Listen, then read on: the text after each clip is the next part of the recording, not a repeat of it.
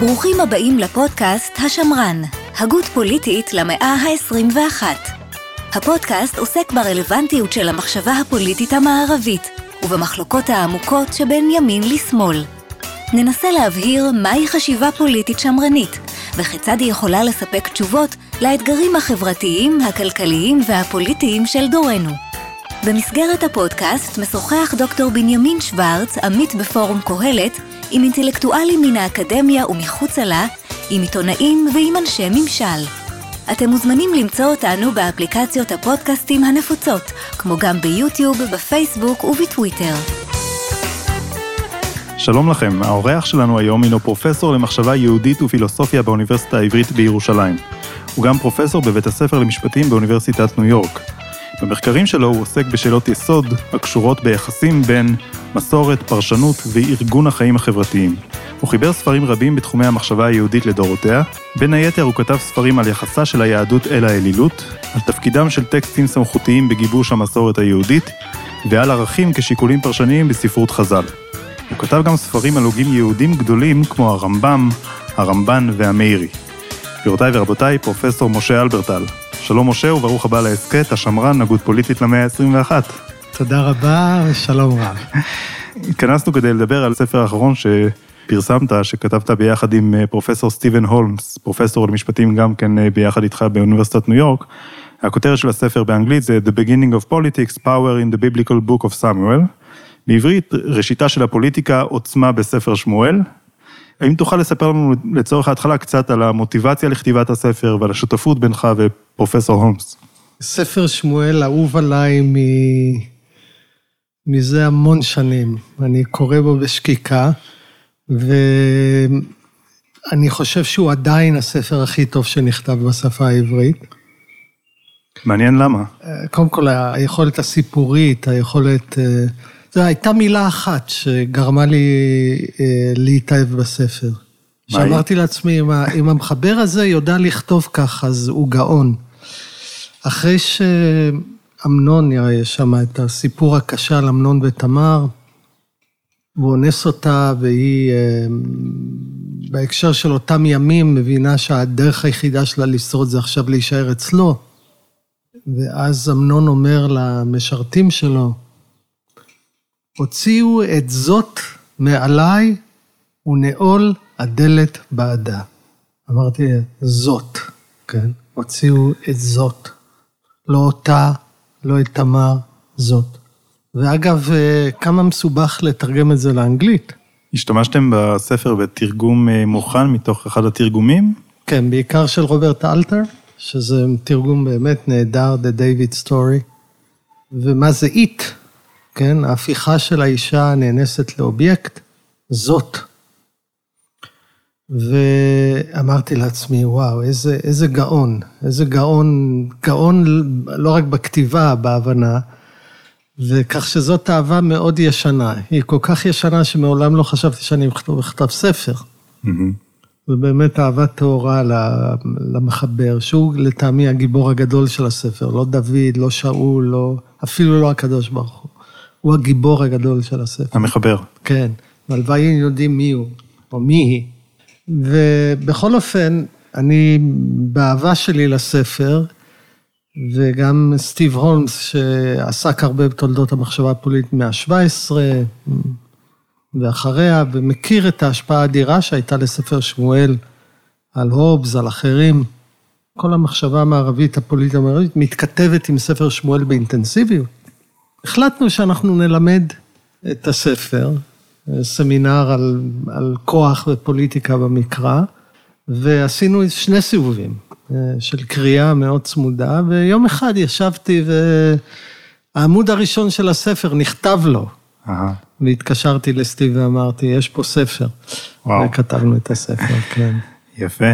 אני באופן אישי כמובן מאוד מזדהה עם הפרויקט שלכם, אני גם למדתי אצלך קורס על מהי סוגיה תלמודית, וחקרתי בכיוונים האלה של מחשבה פוליטית יהודית, אבל דווקא בגלל זה אני רוצה לשאול אותך כדי לשמוע ממך תשובה לעניין הזה, למה לחפש מחשבה פוליטית בספר מקראי? למה לא להסתפק בספרים של מחשבה פוליטית שמגדירים את עצמם ככאלה, שנכתבו למשל על ידי אפלטון, אריסטו, מקיאוולי? אז אה, קודם כל ברור שאפשר אה, לחפש מחשבה פוליטית. לא צריך לחפש מחשבה פוליטית במקרא, היא פשוט נמצאת שם. אה, אבל אני רוצה להסביר פה משהו יותר לעומק. כשמעיינים בספר שמואל, מה ספר שמואל עוסק? הוא עוסק בראשית המלוכה, הוא עוסק בשני המלכים הראשונים בישראל, שאול ודוד, והוא לומד אותם. ומה הופך ספר מסיפור טוב לחיבור על מחשבה פוליטית?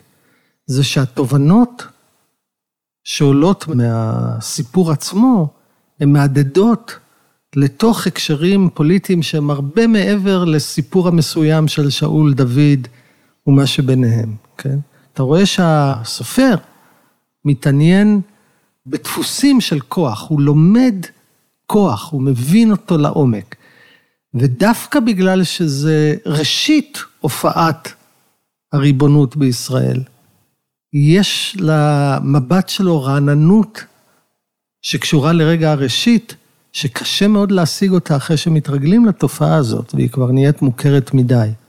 אז יש לו את היכולת ההתפעמות והחדירה שנובעת מהראשוניות שלו ככותב ושל התופעה שהוא לומד אותה. אם כי הוא אף פעם, או כמעט אף פעם, לא עושה ניסוח מופשט אבסטרקטי, ניסוח שיוצא מתוך הסיפור אל איזשהו עיקרון כללי. נכון. אני אתן דוגמה מיני רבות. כשהוא מתאר, למשל, יש לו אה, שני פרקים שעוסקים באלימות. לא רק שניים, אבל שניים מהבולטים ביניהם. אחד זה אלימות של המלך כלפי הנתינים חפים מפשע שלו. הרצח, הטבח של שאול את אה, כהני נוב, והריגתו של אוריה על ידי דוד. עכשיו, כשלומדים את הסיפור, רואים שלמשל, ופה אנחנו נחזור לאחד המשפטים לטעמי הגדולים במחשבה פוליטית שאי פעם נכתבו. כשהוא כותב על הרג אוריה, דוד מתכנן את ההרג של אוריה, את הרצח של אוריה, אבל על ידי הוראה ליואב, הוא אומר ליואב, תעמיד את אוריה אל מול החומה, תסוגו ותשאירו אותו שם לבד שימות מול האויב. בסופו של דבר, מה הרעיון בזה? המלך לא צריך להרוג אותו בעצמו, כן? הוא יכול, אגב, המילה, הפועל שלח מופיע שם המון, הוא יכול לשלוח. ובעצם זה ניסיון לברוח מאחריות על ידי הרחקת אירוע אלימות מהריבון. ואגב, הנה הגדרה טובה לכוח. אני אתן עכשיו הגדרה אחת, יש הרבה הגדרות, אבל אחת ההגדרות שצומחות מהפרק. והוא, ההגדרה הבאה, ככל שאתה יכול להרחיק את עצמך ממעשה האלימות שאתה מחולל, על ידי שרשרת סיבתית ארוכה, כך הכוח שלך גדל. הבריון השכונתי המקומי צריך לעשות את העבודה בידיים שלו, נכון. כן? ראש הכנופיה, ראש מאפיה, הוא כבר, הוא לא צריך להתעסק בזה, הוא כבר נותן הוראות.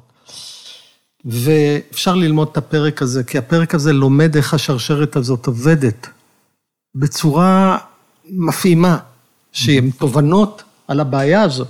לדוגמה, אתן אחת דוגמאות, דוד נותן הוראה ליואב, אבל כשמסתכלים על ההוראה, יואב לא בדיוק מבצע את ההוראה ככה, כן? כן.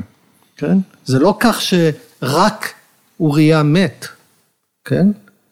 יואב צריך להקריב עוד כמה חיילים, mm-hmm. כי אחרת אם הוא יגיד לקצינים שלו, תשמעו, כשאני שורק, כולם נסוגים, תשאירו את אוריה לבד, זאת תהיה הפקודה האחרונה. כי יהיה ברור שהוא שלח אותו למות. ברור. אז הוא צריך להקריב פלוגה שלמה. כן. והרעיון הוא שמזימה כזאת, כן, התנגשות טהורה, התנגשות מדויקת, היא רק בפנטזיה של הארמון. כשמגיעים לשטח, צריך להקריב עוד אנשים. אבל אז, ופה ההגות הפוליטית, אז דוד, אחרי שהעניין נסגר, והוא אומר ליואב, אל יחר בעיניך הדבר הזה, כי כזה וכזו תאכל החרב. ככה דוד שולח דרך השליח בחזרה ליואב. נכון. כי כזה וכזו תאכל החרב. עכשיו אני, אני אומר לעצמי, אני זוכר את גם הרושם האדיר שהמשפט הזה עשה עליי. הרעיון הזה שהחרב היא בעצם איזה מין טורף עצמאי. יש לה, היא אוכלת. והיא אוכלת פה ושם, במלחמה כמו במלחמה. בעצם לא היה מי שיאחוז בחרב הזאת, mm-hmm. כן? האוטומציה של האלימות כמשחררת מאחריות. זאת אומרת, הרעיון הזה של שליחה, של פילוח המעשה בין הרבה גורמים, כך שבסוף בעצם אף אחד לא עשה אותו, הוא פשוט נעשה מכוח המלחמה, כן? כי כזה וכזאת תאכל אחר. ואז כשנתן מוכיח את דוד, הוא אומר לו, ואותו הרגת בחרב בני עמון. אתה החזקת את החרב הזאת. מישהו מחזיק את החרב הזאת, mm-hmm. אותו הרגת. והתפקיד של ביקורת פוליטית בהקשר הזה, זה בעצם להפוך את השרשרת הזאת לשקופה, להחזיר אותה mm-hmm. למקור שלה. איזה כותב, כן, אני יודע, מהעשירית לפני הספירה, מהשמיעית לפני הספירה, יש לך מחלוקות על התיארוך של כתיבת הספר, וזה לא חשוב. איזה כותב מסוגל להגיד משפט כזה? אומרים שהבעיה של המודרניות, כן, הדורנו ואחרים, של האוטומציה והתיעוש, מייצרת שחרור מהאחריות, היא כבר מופיעה לך במאה השמינית לפני הספירה, mm. כן? ברגע שיש לך את ה... שרשרת. את השרשרת. כך שאני חייב להגיד שההגות של ספר שמואל כהגות פוליטית, הוא לא רק אומר לך, תשמע, דוד הרג את אוריה בידי ההמונים. לא, לא, לא. יש לו, יש לו דיוק הרבה יותר מעניין. הוא מתאר גם את הפער שבין ההוראה של דוד לבין הביצוע, כמו שאמרת, של, של יואב, ואחר כך מה שיואב אומר לשליח, נכון. לומר לדוד, ולאחר מכן מה שהשליח באמת אומר לדוד. נכון, יש שם עוד שלב מפעים. כך שזה ברור שכמי שמייצר הגות פוליטית ולא רק סיפור פוליטי, הוא מעוניין לנסח דרך סיפור תובנות עמוקות על פגיעות של המבנה הפוליטי. אני אנסח את זה ככה, הרי מה העוצמה החיובית של פוליטיקה? למה פוליטיקה? למה כוח?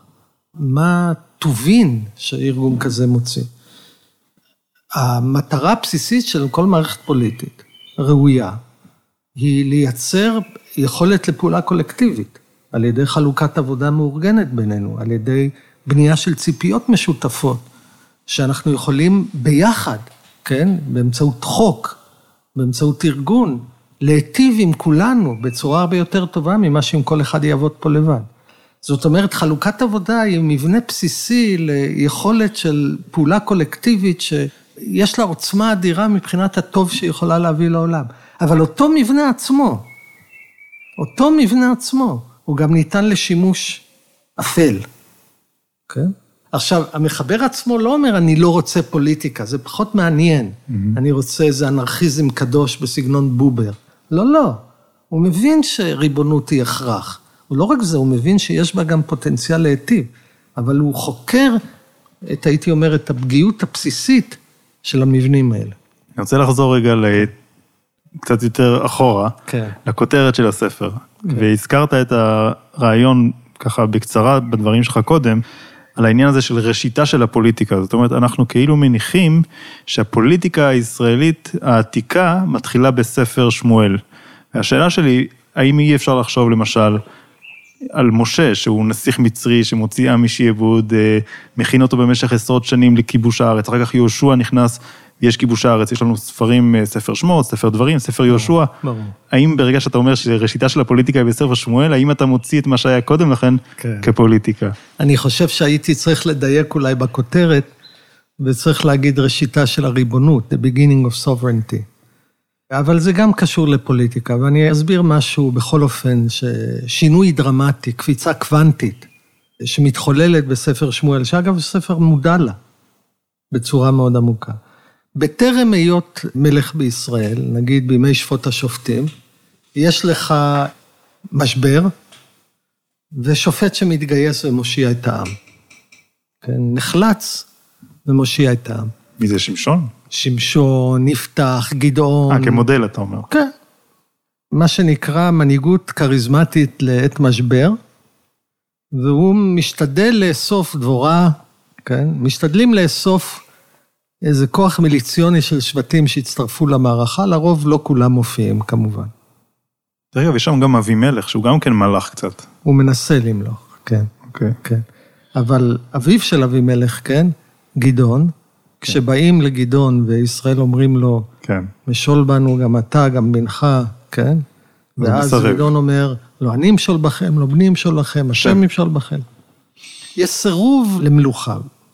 למה זה עדיין לא פוליטיקה במובן הצר של המילה? ברור שזה פוליטיקה במאוד מובן רחב, אבל היום גם אומרים שהכל פוליטי, שזה גם באיזשהו מובן דלדול של המושג. כן, אני לא הולך עד לשם. לא. אני נשאר לא- ביהושע. זה לא הפוליטיקה של הזיכרון והפוליטיקה של, ה, של המשפחה ושל בית הספר וכולי וכולי. יש מובן ש... מתי נוצרת פוליטיקה? מתי נוצרת ריבונות? בשלושה תנאים. אחד זה שיש את הכוח למסות, להטיל מיסים, והשני זה שיש את הכוח לגייס. אגב, אף ריבון, מהריבון הכי מלוכני בעולם, עד הריבון הכי ליברלי בעולם, מעולם לא יוותר על שתי הפריבילגיות האלה, של הזכות לגייס והזכות למסות, לא תמיד הוא יגייס. אבל הזכות הזאת היא חוקתית, היא נמצאת שם וכולי. והדבר השלישי זה הבטחה של רציפות, רציפות שלטונית. כשפתאום מופיע אתגר אמיתי, לא מואבים אדומים למיניהם, פתאום הפלשתים מופיעים במרחב. מהמם. זה כוח צבאי מאורגן, שמאוד קשה להתמודד איתו. צריך בשביל זה להעמיד מולו מהמם. כוח צבאי מאורגן. צריך להעמיד מולו, עכשיו, כדי להעמיד כוח צבאי מאורגן צריך למסות וצריך לגייס.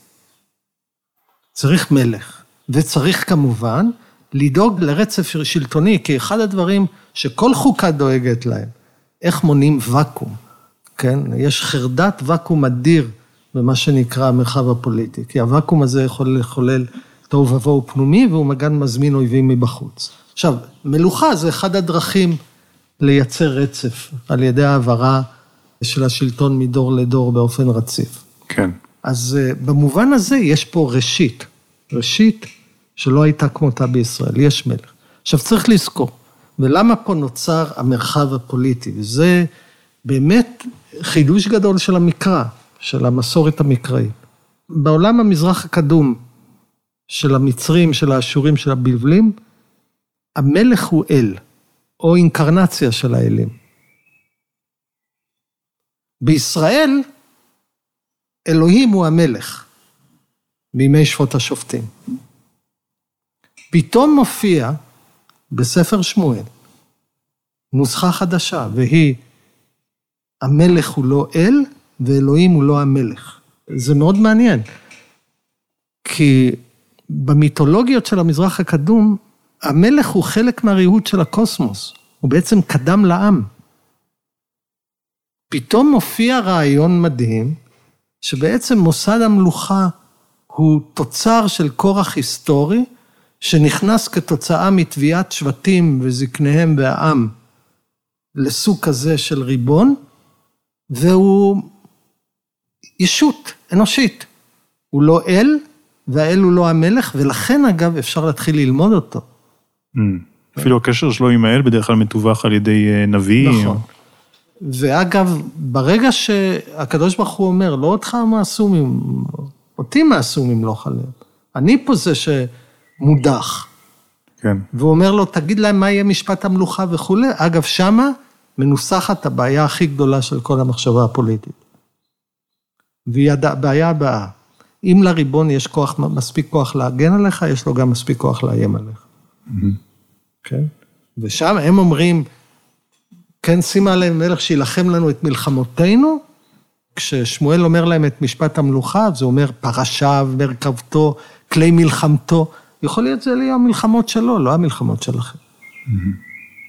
נחזור לשאלה שלך, למה זה ראשית הפוליטיקה? אם נדייק אותה, זה ראשית תופעה של מבנה ריבוני. ש- ריכוזי. ש... ריכוזי, שממסה, שמגייס, יוצר רצף שלטוני, שהוא אנושי באופן מובהק.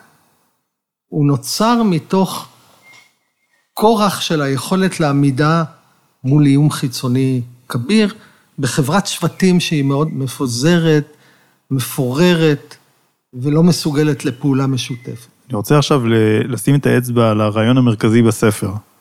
המוקד של הספר הוא הניסיון להבין איך הכוח הפוליטי משפיע על המוטיבציות, ההתנהגויות של מלכים, נסיכים, נביאים. אפשר אולי לומר שהספר, כולם יודעים שהכוח משחית, הספר שלך אה, מנסה להראות דרך ספר שמואל כיצד הכוח משחית. אתם טוענים שספר שמואל מראה איך מצד אחד הכוח הפוליטי הוא אמצעי להשגת מטרות, הוא הופך להיות מאמצעי למטרה בפני עצמה, שימור הכוח, ומצד שני המטרות הערכיות אלה הדברים שבאמצעות הכוח אנחנו מנסים כביכול להשיג אותם, דווקא המטרות האלה בהיפוך כפול הופכות להיות אמצעי נכון. בידי השגת הכוח. תוכל קצת להרחיב על זה, להסביר כן. את זה? אז בואו נחזור לסיפור, ונדבר על ההיפוך הראשון שאתה הזכרת. בשביל נתינים, בשביל העם שביקש מלך, הכוח הוא אמצעי. הוא אמצעי להגנה, לשגשוג, לאחדות וכולי. בשביל בעל הכוח, לא תמיד, הכוח עלול להפוך למטרה. אז הוא הופך מאמצעי למטרה. ואז קורה לו ההיפוך השני, ואני רוצה לדבר על רגע בסיפור שהוא נראה לי מאוד דרמטי מהבחינה הזאת. שאול כבר מלך, ומופיע איום חדש שם בחצר, דוד, כולם אוהבים את דוד, דוד הוא כריזמה שופעת וטבעית, נוח לו בכוח. ושאול מחליט שהוא צריך להיפטר מהיריב הזה. הוא שומע שהבת שלו, מיכל, אוהבת את דוד. והכתוב אומר, הייתה בדבר בעיניו. אתה, עוד לפני שממשיך את הפסוק, אתה אומר, כן, הבת שלו מצאה חתן ראוי. אגב, כמו שרוברט אלתר מעיר, המקום היחיד בכל התנ"ך שנאמר עליו שאישה אוהבת איש. ואז הוא אומר, ותהי לו למוקש. ואז העסקה המפורסמת, הוא אומר, דוד, אתה רוצה להתחתן בית המלך, אתה לא איש עשיר, תביא מוהר, מאה עורלות פלישתים, הרעיון הוא ש... פלישתים לא יאהבו כל כך את הרעיון הזה, כן? ותהי בו יד. פלישתים. עכשיו אתה אומר לעצמך, נניח שהמזימה הזאת הצליחה, איך תרגיש הבת שלו? הרי הבת שלו תהיה שבורה. שבורה אגב באופן כפול, קודם כל היא איבדה את אהוב ליבה, אבל דבר שני, השתמשו בה ככלי כדי להרוג. כדי להרוג יריב. עכשיו, אם יש הגדרה בסיסית לאהבה, זה יחס לא אינסטרומנטלי. האנשים שאתה אוהב הם לא כלי שימוש שלך. נכון. אז זה רגע מכונן בראייה של הפרובלמטיקה של ההיפוך השני. זאת אומרת, היות ולשאול הכוח הפך כבר למטרה, הוא הופך מטרות אחרות לאמצעים. אגב, זה מאוד מעניין שברגע שאתה הופך את הסביבה שלך לאמצעים, וזה אחד הרגעים הקשים ביותר בשאול, שאול הוא דמות מאוד מורכבת, טרגית בהרבה מובנים. הוא אגב בחור טוב, במובן המלא של המילה. הם כותבים על זה. איך שבעצם שאול בכלל לא מעוניין בסיפור נכון. הזה, הוא לא רוצה להפוך להיות מלך, אבל דווקא הוא, נכון. אתם אומרים שדווקא אותו בחרו, את הדמות הזאת, כדי להגיד לנו שאפילו אותו אחד שהוא נכון. הפחות ויותר נכון. אמביציוזי, הוא נחבא אל הוא כל כך לא לא אמביציוזי, רוצה, כן. ואף על פי כן בסוף אבל הוא חייב. ברגע שהוא שמה, הזהות שלו מוגדרת על ידי הכוח שלו. הכוח שלו, והוא מבטא את הדינמיקה הטרגית של ההיפוך הכפול הזה. אני רוצה לנסות כן. לה- להקשות באנטיתזה, כן. על בסיס מקיאוולי, ולא להשתמש במקיאוולי כמו שבדרך כלל, כן. שמשתמשים לא, בו. מקיאוולי לא היה מקיאווליסט. אוקיי, נהדר. כן. אז אני, מנקודת מבט של מקיאוולי, יש עיקרון בעצם שבאיטלקית אומרים אותו מנטנרה לסטטו, שזה אומר שזה שימוש הסטטוס של השליט, שזה מטרה עליונה, ויש פה משחק מילים במילה סטטו, כי מצד אחד זה הסטטוס של השליט, ומצד שני זה הסטייט. והרעיון אומר שבעצם יש קשר בין השימור של המעמד של השליט לבין שימור המדינה. ובשפה המקראית של ספר שמואל נוכל להגיד שהשמירה של שאול, שהוא שומר על המלכות שלו, שומרת גם על הממלכה, כי הרי כמו שאתם כותבים, בספר שמואל פוגע ומאתגר מאוד את שאול, הוא ממש מונע ממנו, כי הוא גם רואה בו אותו אחד שלקח ממנו את השליטה. אז במובן הזה, אם שאול ייכנע לניסיון הסחיטה, ואולי אפילו אפשר לקרוא לזה מרידה, ששאול מושך מישהו אחר למלך בזמן שהוא עדיין מלך, אם הוא ייכנע לזה, הוא בעצם מפורר את המלוכה, הוא מפורר גם את הממלכה, ובמובן הזה הוא יוצר סכנות הרבה יותר גדולות. אז האם במובן הזה תוכל להסכים לזה שהשלטון או שימור הכוח הוא בעצמו מטרה חשובה שהמונרך או המנהיג הראשי צריך כן. להקפיד עליה? אז אה, אני רוצה שתי נקודות בעקבות ההערה הזאת להדגיש. ברור שמנהיגים מנסים לשמר כוח. בוא לא נהיה שוטים ותמימים בעניין הזה. לא רק זה, אתה רוצה שהם ינסו לשמר כוח, מכל הסיבות שאתה דיברת עליהן. אבל כשאנחנו שואלים איזה מנהיג אנחנו מעריכים, נגיד, כשאנחנו מסתכלים על ימינו, אתה אומר, בישראל יש הערכה, גם אם אין הסכמה על העמדות הפוליטיות כאלו או אחרות, מנחם בגין. אני חושב שיש הערכה ליצחק רבין. יש הערכה, יש, היא הסכמה אבל הערכה. עכשיו אתה אומר, מה מגדיר הערכה כזאת? זה, הייתי אומר, המרחב המקודש, למה אני מתכוון? זה שאתה יודע שאצל מנהיגים מסוימים שאתה, שיש לך מהערכה, שיש כמה דברים שהם לא שכירים במאבק על הכוח. הם לא יוציאו חיילים למבצע צבאי כדי להישאר בשלטון, נגיד, כמשל. כן. במקרה הזה, הם לא ימכרו את הבת שלהם, אומרים בצורה גסה, או ימכור את האימא שלו. יש דברים שהם לא יעשו. Mm-hmm. אגב, אני רוצה להעיר שההערכה הזאת היא המקור העמוק ביותר ליכולת שלהם לשמר כוח. הלגיטימיות שלהם. ברור.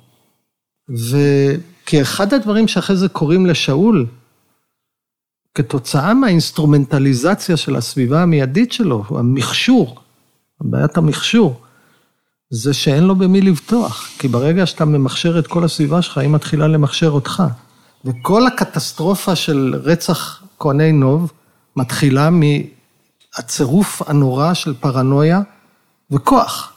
שאול, יש לו עוצמה, אבל הוא במצב של חוסר אמון מוחלט בסביבה שלו. עד כדי כך שאף אחד לא מוכן לבצע את המשימה. נכון, אבל בהתחלה הוא פונה אליהם ואומר להם, מדוע קשרתם אליי בני ימיני, כן? אתם מהשבט שלי, אבל כולכם קשרתם עליי. גם לכולכם נתן דוד שדות ומינה אתכם לשרי אלפים ושרי אלפים. איך אני לא יודע שבני בוגד בי? כן, כן. ואין חולה מכם עליי. כך הוא אומר שם, חולה עליי זה ב, ב, לא בסלנג הישראלי, זה אף אחד לא מרגיש אמפתי לכאב שלי. Mm. ברגע הזה הכל אפשרי. כן. אז זה דבר אחד. ברור ששימור כוח הוא דבר מאוד משמעותי לזהו, אבל תמיד השאלה הוא, איזה אמצעים אתה נוקט לשימור כוח, והרגע הזה שאתה עובר את הסף, שבו שימור הכוח בעצם מפורר אותך, אגב, הוא גם מזיק במובן עמוק לשימור הכוח עצמו, על ידי מכשור מלא של הסביבה שלך, ואני אומר שוב, המנהיגים שאנחנו מעריכים כמנהיגים גדולים, זה המנהיגים שהיו כמה דברים שהם לא עושים בשביל לשמר כוח, כולל גם בגידה בערכים הבסיסיים שלהם, mm. שלא נדבר על בגידה בסביבה שלהם. אבל אני רוצה להגיד עוד משהו בעקבות ההערה שלך, וההערה שלך היא יצר הרע של ה... של המנהיג. ואני רוצה להסביר את זה לעומק. הפכת אותי. לא, חס ושלום, זה לא הערה אישית, כן? המנהיג קורא מקיאוולי, והוא אומר, בלעדיי כל העסק הזה יקרוס. ולכן מה שאני עושה זה בעצם לא כדי לשמר כוח, אלא לטובת הממלכה. הסיפור הזה הוא מאוד פתלתל, מאוד פתלתל. כי מרחב ההונאה העצמית פה הוא מאוד גדול. מרחב ההונאה העצמית פה הוא עצום. שמי מונה את עצמו? שהמנהיג מונה את עצמו. בנקודה מסוימת הוא עצמו כבר לא מסוגל לזהות. מהו אינטרס ומהו כן. ערך. כי פוליטיקה היא עולם שיש מרחק בין מוטיבציות לצידוקים. זה אחד ה...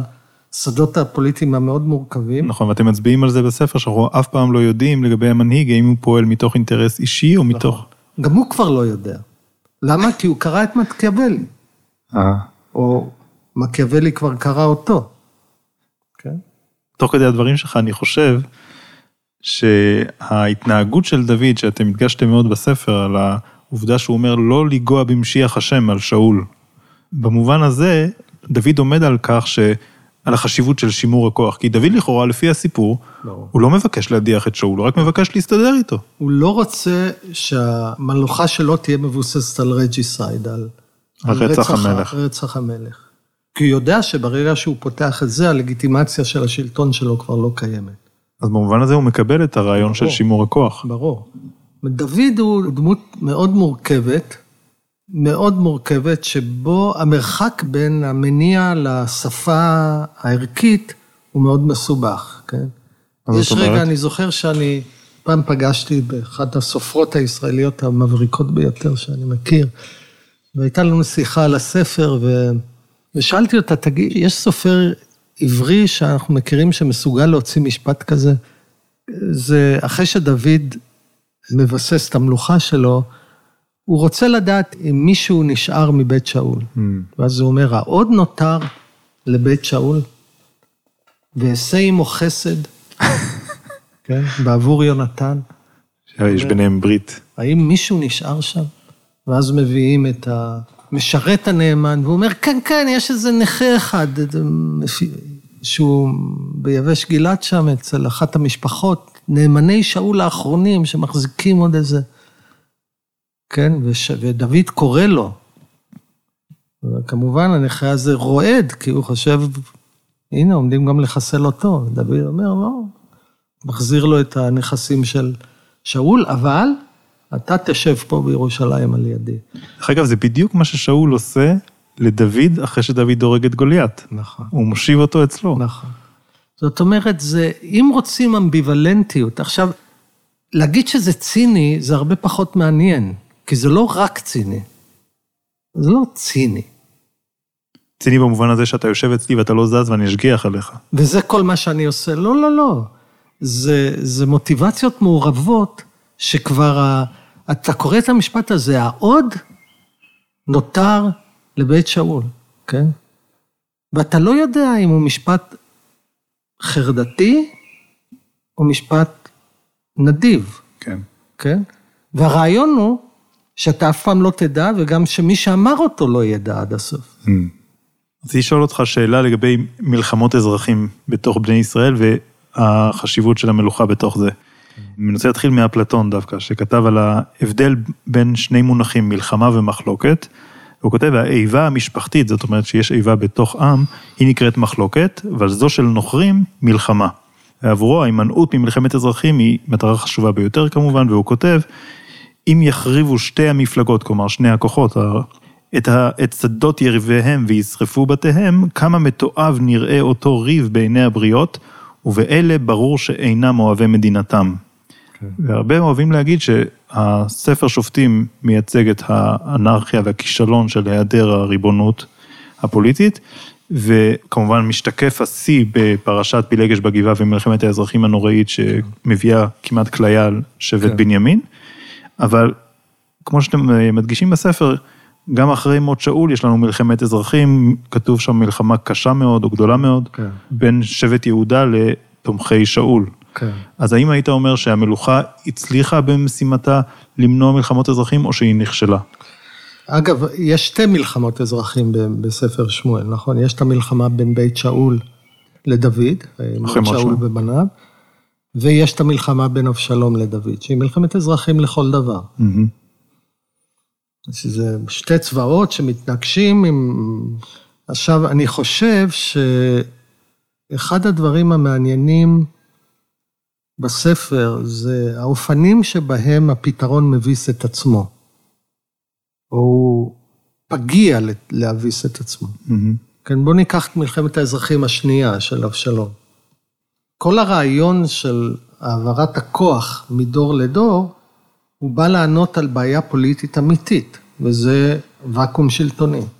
כן? אבל ברגע שיש לך את הנסיכים האלה שם, יש להם... הנסיכים של דוד? הבנים של דוד? הבנים של דוד. זה מדהים. זה בעצם הדור הראשון למעבר מלוכה בישראל, שאול לא הצליח בזה, שאול ובניו נהרגו במלחמה. הדור הראשון, עוד לא, אין לנו מסורת של... והיחיד. כן, הדור הראשון של מעבר בספר, כן, מדוד לבניו. הוא, אה, הוא סיפור נורא ואיום, נורא ואיום של, יש לך נסיכים שהם entitled, שמגיע להם, כי הם... בכור למשל. כן. שהם חסרי סבלנות. כמו אמנון. כן, וכמו אבשלום, כמו אמנון, הם כבר רוצים את זה, ושהם תחרותיים ביניהם. ועליהם יושב אבא, שאוהב אותם, וזה מקור אדיר לחולשה ביחס אליהם, mm.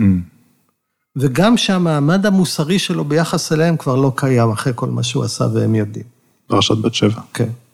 והלוגיקה של הכוח והלוגיקה של האהבה מתנגשים לגמרי, כן? אחרי שההוראה הזאת של, של דוד, לצבא שלו, תעשו פה מלחמה, תהרגו פה את כולם, אבל אל תיגעו בנער, הנער הזה, כן? בילד אל תיגעו. עכשיו, כמובן שההיגיון הצבאי הטהור אומר, תחסלו את ראש המרד, ותחסכו בדם ותקצרו את המלחמה.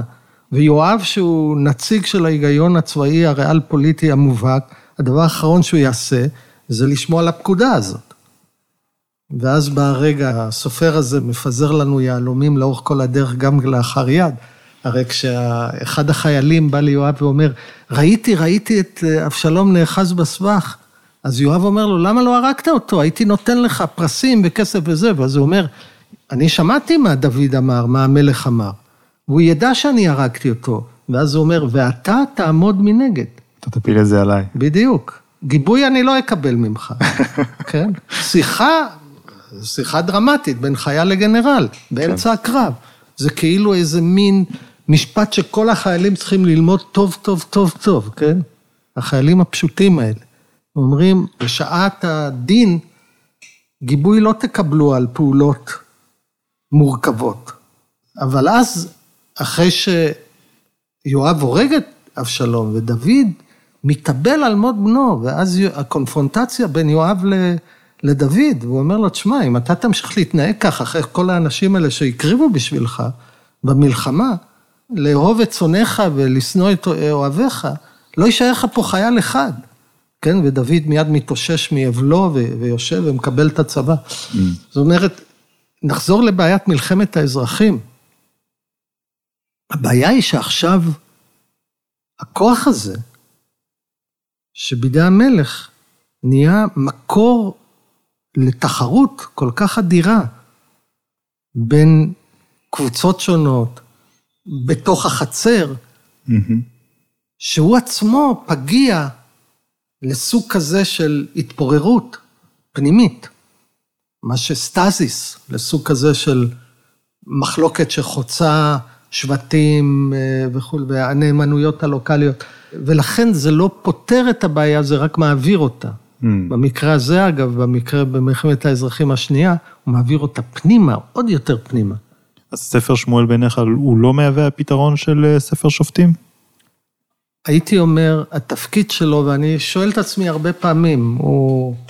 אחד הדברים שהיינו צריכים לעשות, ויכול להיות שפה מנקודת מבטם של קוראים אחרים, שלא בצדק, אבל אחד הדברים שאנחנו היינו צריכים לעשות ככותבים, זה לשחרר את עצמנו מהבעיה עם הספר הזה, בעד דוד או בעד שאול. Mm. כי במובן מסוים הוא לא בעד אף אחד. הוא מעוניין באמת להבין איך ריבון פועל. Mm-hmm. עכשיו, מה הוא רוצה ללמד אותנו? כן? הוא אומר לנו, הוא לא נגד מלוכה, הוא מבין, הוא לא נגד פוליטיקה, הוא לא נגד ריבונות, הוא לא איזה אנרכיסט. הוא רוצה ריבון, הוא מבין את הצורך בריבון. הנה, פה להבדיל מאפלטון, מאריסטו, אין לו דמיון מוסדי. הוא לא מייצר מוסד חדש, הוא לא עכשיו אומר, אוקיי, אולי נעשה שלטון של הזקנים. הוא מדמיין שלטון סוג אחד של משטר, כן, שזה מונרכיה. כן. אבל מה הוא רוצה לשאול? הוא אומר, אוקיי, אני רוצה ללמוד את ה, מה שאני קורא פגיעות מבנית של המבנים האלה. אגב, חלק מהם קיימים לא רק במבנים מלוכניים. הבעיה של למשל אה, אלימות פוליטית שיש לה שני מקורות. אחד זה הצירוף של חוסר ביטחון וכוח, והדבר השני זה היכולת של ריבון להרחיק את עצמו ממעשה האלימות שהוא מחולל. כל המבנים האלה הם כן. קיימים בכל מיני הקשרים פוליטיים שונים. אז הוא רוצה ללמוד, הייתי אומר, זה ספר שבא ללמד אותך את הפגיעות של המבנים, את החולשה של המבנים, מבני הכוח האלה, ואם אתה מלך עתידי, או חצרן ויועץ, או נתין, כדאי לך ללמוד את הספר הזה טוב טוב. טענה מרתקת בספר היא שדוד לא רק מודע לזה שיש לו תדמית ציבורית, אלא הוא גם מאוד אה, דואג לטפח אותה. עושה הרבה עבודה כדי שהיא תהיה מוצלחת, הוא אפילו מוכן לשלם מחירים כדי שהיא תצליח. למשל, הוא דוחה את מותו של שאול ככל יכולתו, כדי שלא יאשימו אותו חס וחלילה ברצח המלך.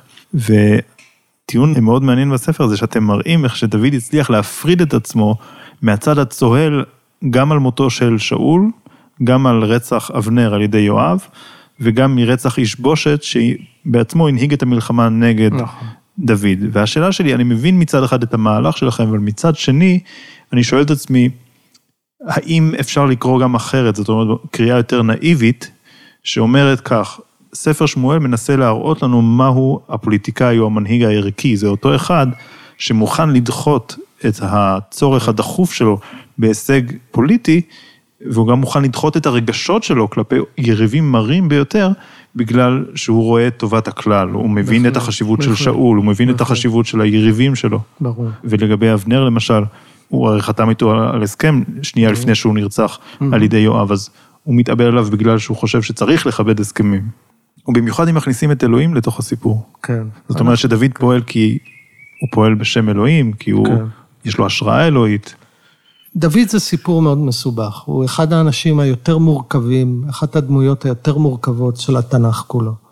והספר הזה בטח לא נכתב על ידי סופר חצר של דוד. אם מישהו היה מגיש כתב יד ביוגרפי של ביוגרפיית דוד לדוד מהחצר הזה, לא ברור מה הוא היה שורד. יכול להיות שהיה מופיע בתור סעיף בצוואה שלו לשלמה. סיפור בת שבע לא נכתב על ידי... אוהד גדול של דוד. אותי השאלה, אהד לא אהד, היא לא לגמרי מרכזית, כן? עכשיו, דוד במובן הזה הוא דמות מורכבת. עם ההופעה המיידית שלו, המשפטים הראשונים שהוא מוציא, הוא מופיע שם למערכה. מעצבן את האחים הגדולים שלו, שהוא מעצבן את האחים. הוא מתערב. כן, מה אתה מתערב, מה אתה כזה וככה, והוא מופיע עם כל העוצמת הנעורים הזאת. כולם מפחדים, אני לא מפחד. בדיוק, ואני אכה וככה, והוא גם מתעניין מה הפרס. אה, נכון. אחר כך יש לו שומע שאומרים ככה, יש שמועות שהבת של פעמיים. המלך... אחרי זה כשזה מגיע לידי מעשה ומציעים לו את בת המלך, אז הוא אומר, לא, מי אני להתחתן עם אה, ברור. המלכות? והנה ניקח את הסיפור, אפרופו אינסטרומנטליזציה, מכשור. אתה אומר, הנה, אתה רואה, הוא לא זה. הוא מגיע לאחימלך, כשהוא בורח מהחצר של שאול, הוא מגיע לנוב, כן, הגבעה הצרפתית פה בירושלים, בערך באזור הזה. אוקיי. כן, הוא מגיע למקדש, הוא מגיע לבד, הוא, הוא מבוקש נמלט. ואחימלך אומר לו, מה, למה אתה לבד? הוא ככה נחרד. הוא גנרל חשוב, ואין, גנרלים לא מסתובבים לבד, יש להם שומרי ראש ונהגים ו... פלוגה. ושלישים וכל ה... כל האפרט. ואז הוא אומר לו, זה מעניין מה הוא אומר לו, הוא לא מספר לו את האמת. הוא אומר לו, אני בכלל בשליחות סודית. כן. ואת הנערים הודעתי, כן, הנערים מחכלים לי באיזה מקום. אני צריך שתביא לי לחם בשבילם. כן. והוא מבקש ממנו אספקה, ומבקש ממנו חרב. ואגב, הוא רואה שדואג האדומי, אחד מעבדי שאול, נמצא שם. אותו אחד שיהרוג אותם בסוף. יהרוג את כהני נוב. וכשאביתר בורח ושורד מכהני נוב, אז הוא אומר לו, אני סבותי, אנוכי סבותי, אני אשם מהרג בית אביך, כי ראיתי שם את דואג. זה סיפור מאוד מסובך. אם אני הייתי אביתר, הייתי נשאר אצלו, אבל עם, עם שתי עיניים פקוחות, כן. גם מאחורה. זאת אומרת, הנה הוא ממכשר את הכהן הזה. הוא הופך אותו לשותף לסיוע למבוקש, דבר שעולה לו בחייו ובחיי כל משפחתו, בלי להגיד לו דבר. והוא משתמש, אגב, אפרופו התובנה היפה של המחבר שלנו, הוא משתמש בתרגיל הידוע של זה סוד. ברגע שזה סוד, כמובן, אחימלך גם מסכן לא יכול לברר את זה. הוא לא יכול עכשיו לשאול, כי ברגע שהוא שואל, הוא ממילא חושף סוד מדינה. אז הוא לחוד. נכון. כך שדוד, במובן הזה הוא דמות מאוד מורכבת. וכל מה שאתה אומר הוא גם נכון. בוא נחזור לרצח של אבנר, כן. כן? יואב הורג את אבנר, אחרי שדוד חתם איתו ברית. ובלוויה של אבנר יש איזו אבלות פומבית של דוד כדי להגיד, אני לא... ואז הוא אומר, ומה אני יכול לעשות, כן? רך ו... השם יטפל בו. אני לא יכול עכשיו להעניש את בני צרויה האלה, שהם חזקים ממני, כן? תחשוב על זה.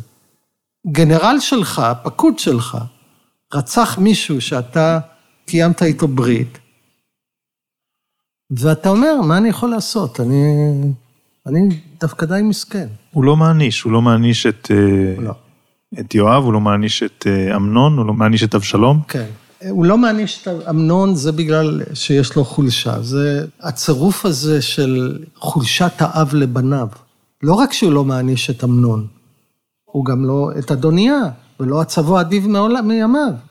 הוא מעולם לא נזף בו, בילד הזה שמשחק מלך, עוד כשהמלך קיים. פוגע בנורמות הכי בסיסיות. כן. בסיכום הספר אתם כותבים שהעם ביקש להחליף את מלכות השם בשאול, ואתם מעירים כמעט בדרך אגב, ששאול הוא מלך שאינו דומה כלל, שהוא ממש לא דומה לאלוהים, הוא הדבר רחוק מלדמות לאלוהים.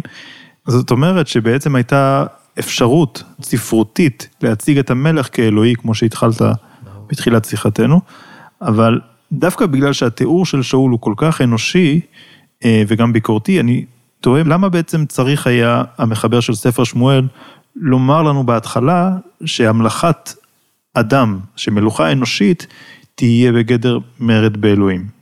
הוא מציב נקודת מבט אמביוולנטית לכל הסיפור, שתעזור לו בניתוח של הפנומן הזה. הוא אומר, תדע לך, במקום אחר לגמרי יש איזה מבנה אידאי אחר, שבו האל הוא המלך, שהוא לא מבנה אפשרי, כי זה מניה דיפרסיה שהעם לא יכול לעמוד בה. הם צריכים נוכחות מוחשת וברורה של כוח, של צבא, של צבא עומד.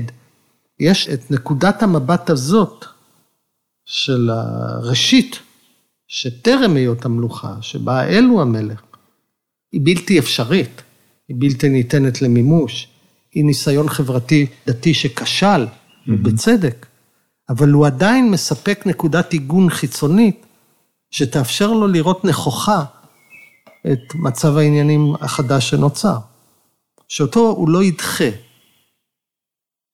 הוא לא ידחה אותו, אבל הוא יחקור אותו באופן מפוכח וגאוני, כדי להבין את הכשלים הפנימיים שהוא מעיד, כך שכולנו נלמד יותר טוב לעשות את זה כשנהיה שם, אם בכלל. שוב, אם אתה יכול להגיד, למה בהכרח המלאכת אדם כלשהו היא אומרת באלוהים?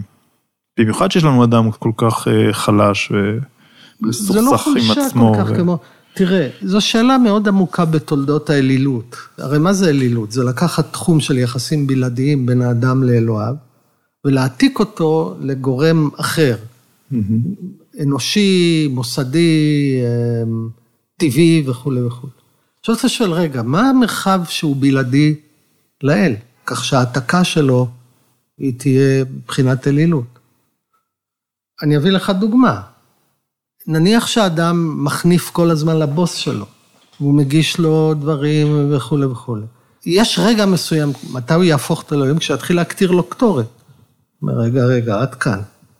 זה כבר תחום בלעדי לקדוש ברוך הוא. עכשיו נחזור לבעיה הגדולה בתיאולוגיה פוליטית ואלילות. זו באמת שאלה מאוד גדולה. וכאן קורה מפנה אדיר מספר שופטים לספר שמואל. האם תואר המלך הוא בלעדי לקדוש ברוך הוא? כך שההעתקה שלו לגורם אחר היא אלילות. אגב, ככל שהמרחב, התארים הבלעדיים לאלוהים הוא רחב יותר, כך האפשרות ליצירת מבני סמכות פנים אנושיים הם פחותים יותר. אני אביא דוגמה היסטורית מרחיקת לכת שהייתה בסיס לזעזוע פוליטי אדיר במאה הראשונה, המרד הגדול שהתרחש פה בירושלים. מה אמרו הקנאים?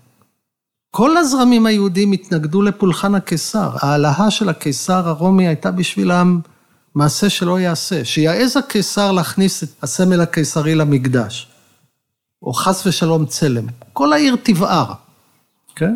אלילות. Mm-hmm. אנחנו לא פולחים, אנחנו לא עובדים. מה אומרים הקנאים? ותשלום מיסים זה לא שיעבוד.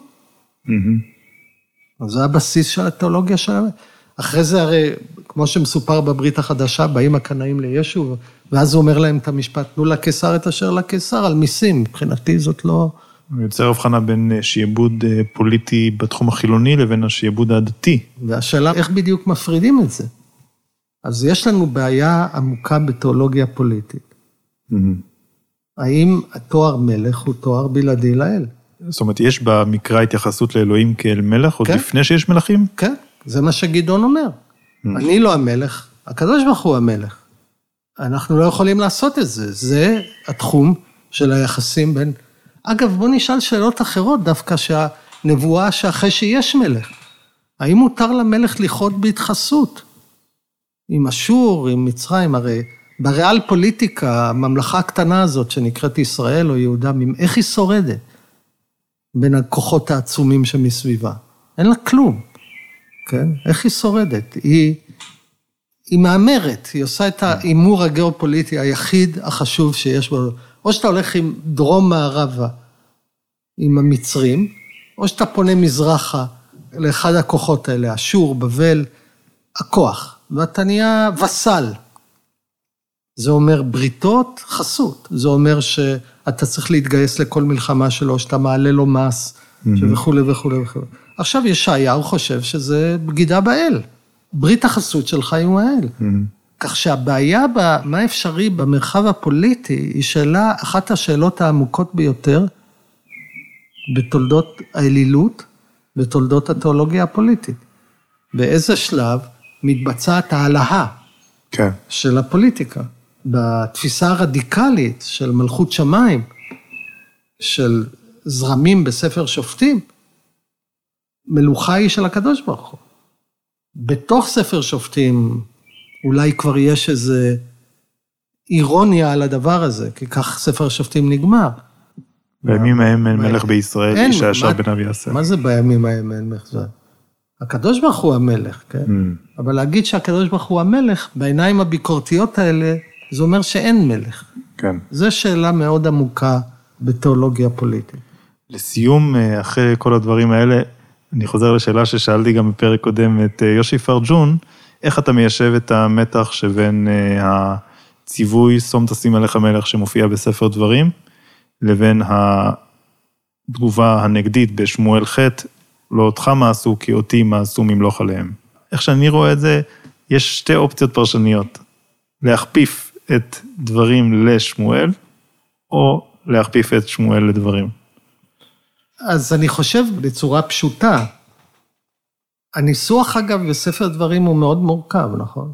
ואמרת, שימה עליי מלך, כן? ויש כבר עמדה בין התנאים, מלך רשות, זה לא מצווה. אם תאמר, אשימה עליי מלך, כאילו, עכשיו אני לא רוצה להיכנס לתארוחים, אבל אם תאמר, אשימה עליי מלך, אז כך וכך, לא ירבה לו סוסים, לא, לא ירבה לו נשים, כסף וזהב וכולי. אז יש לו תפקיד, כן, והוא כפוף לחוק, וספר התורה הזה בחיקו כל הזמן.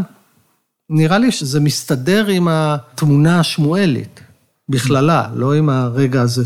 הקדוש ברוך הוא אומר, בסדר, אני... יהיה לכם מלך, אבל צריך לשים לו גבולות. מעל המלך צריך להיות... להקשות עליך, אז בספר שמואל אין אה, זה בסדר, זה לא בסדר, בספר דברים לא, לא. צריך לא. גבולות, אבל הכל בסדר. אני אומר, אבל בספר שמואל זה מוצג ככה, הקדוש ברוך הוא אומר, אני לא יזמתי את זה, אני לא אוהב את הרעיון הזה, אבל הם מבקשים. ואמרת, שים עליי מלך. כן. כן. ואז, בסדר, יש מלך. זה לא שזה לא בסדר בספר שמואל, רק שזה ברור שזה תוצר של צורך אנושי, שמלכתחילה הקדוש ברוך הוא לא תכנן אותו, לא יזם אותו, לא רצה אותו, ושעכשיו, מאחר שהוא שם, והוא שם באישור, אנחנו צריכים להגדיר אותו, להגביל אותו, להכניס אותו תחת המרות של החוק וכולי. זאת אומרת שההגבלות שמופיעות בספר דברים לגבי המלך, הן סוג של פתיח או הקדמה או רמז נכון. למה שנקרא אחר כך. נכון. ולמה שניתחתם בספר. נכון. טוב. נכון. תודה רבה. תודה רבה לך.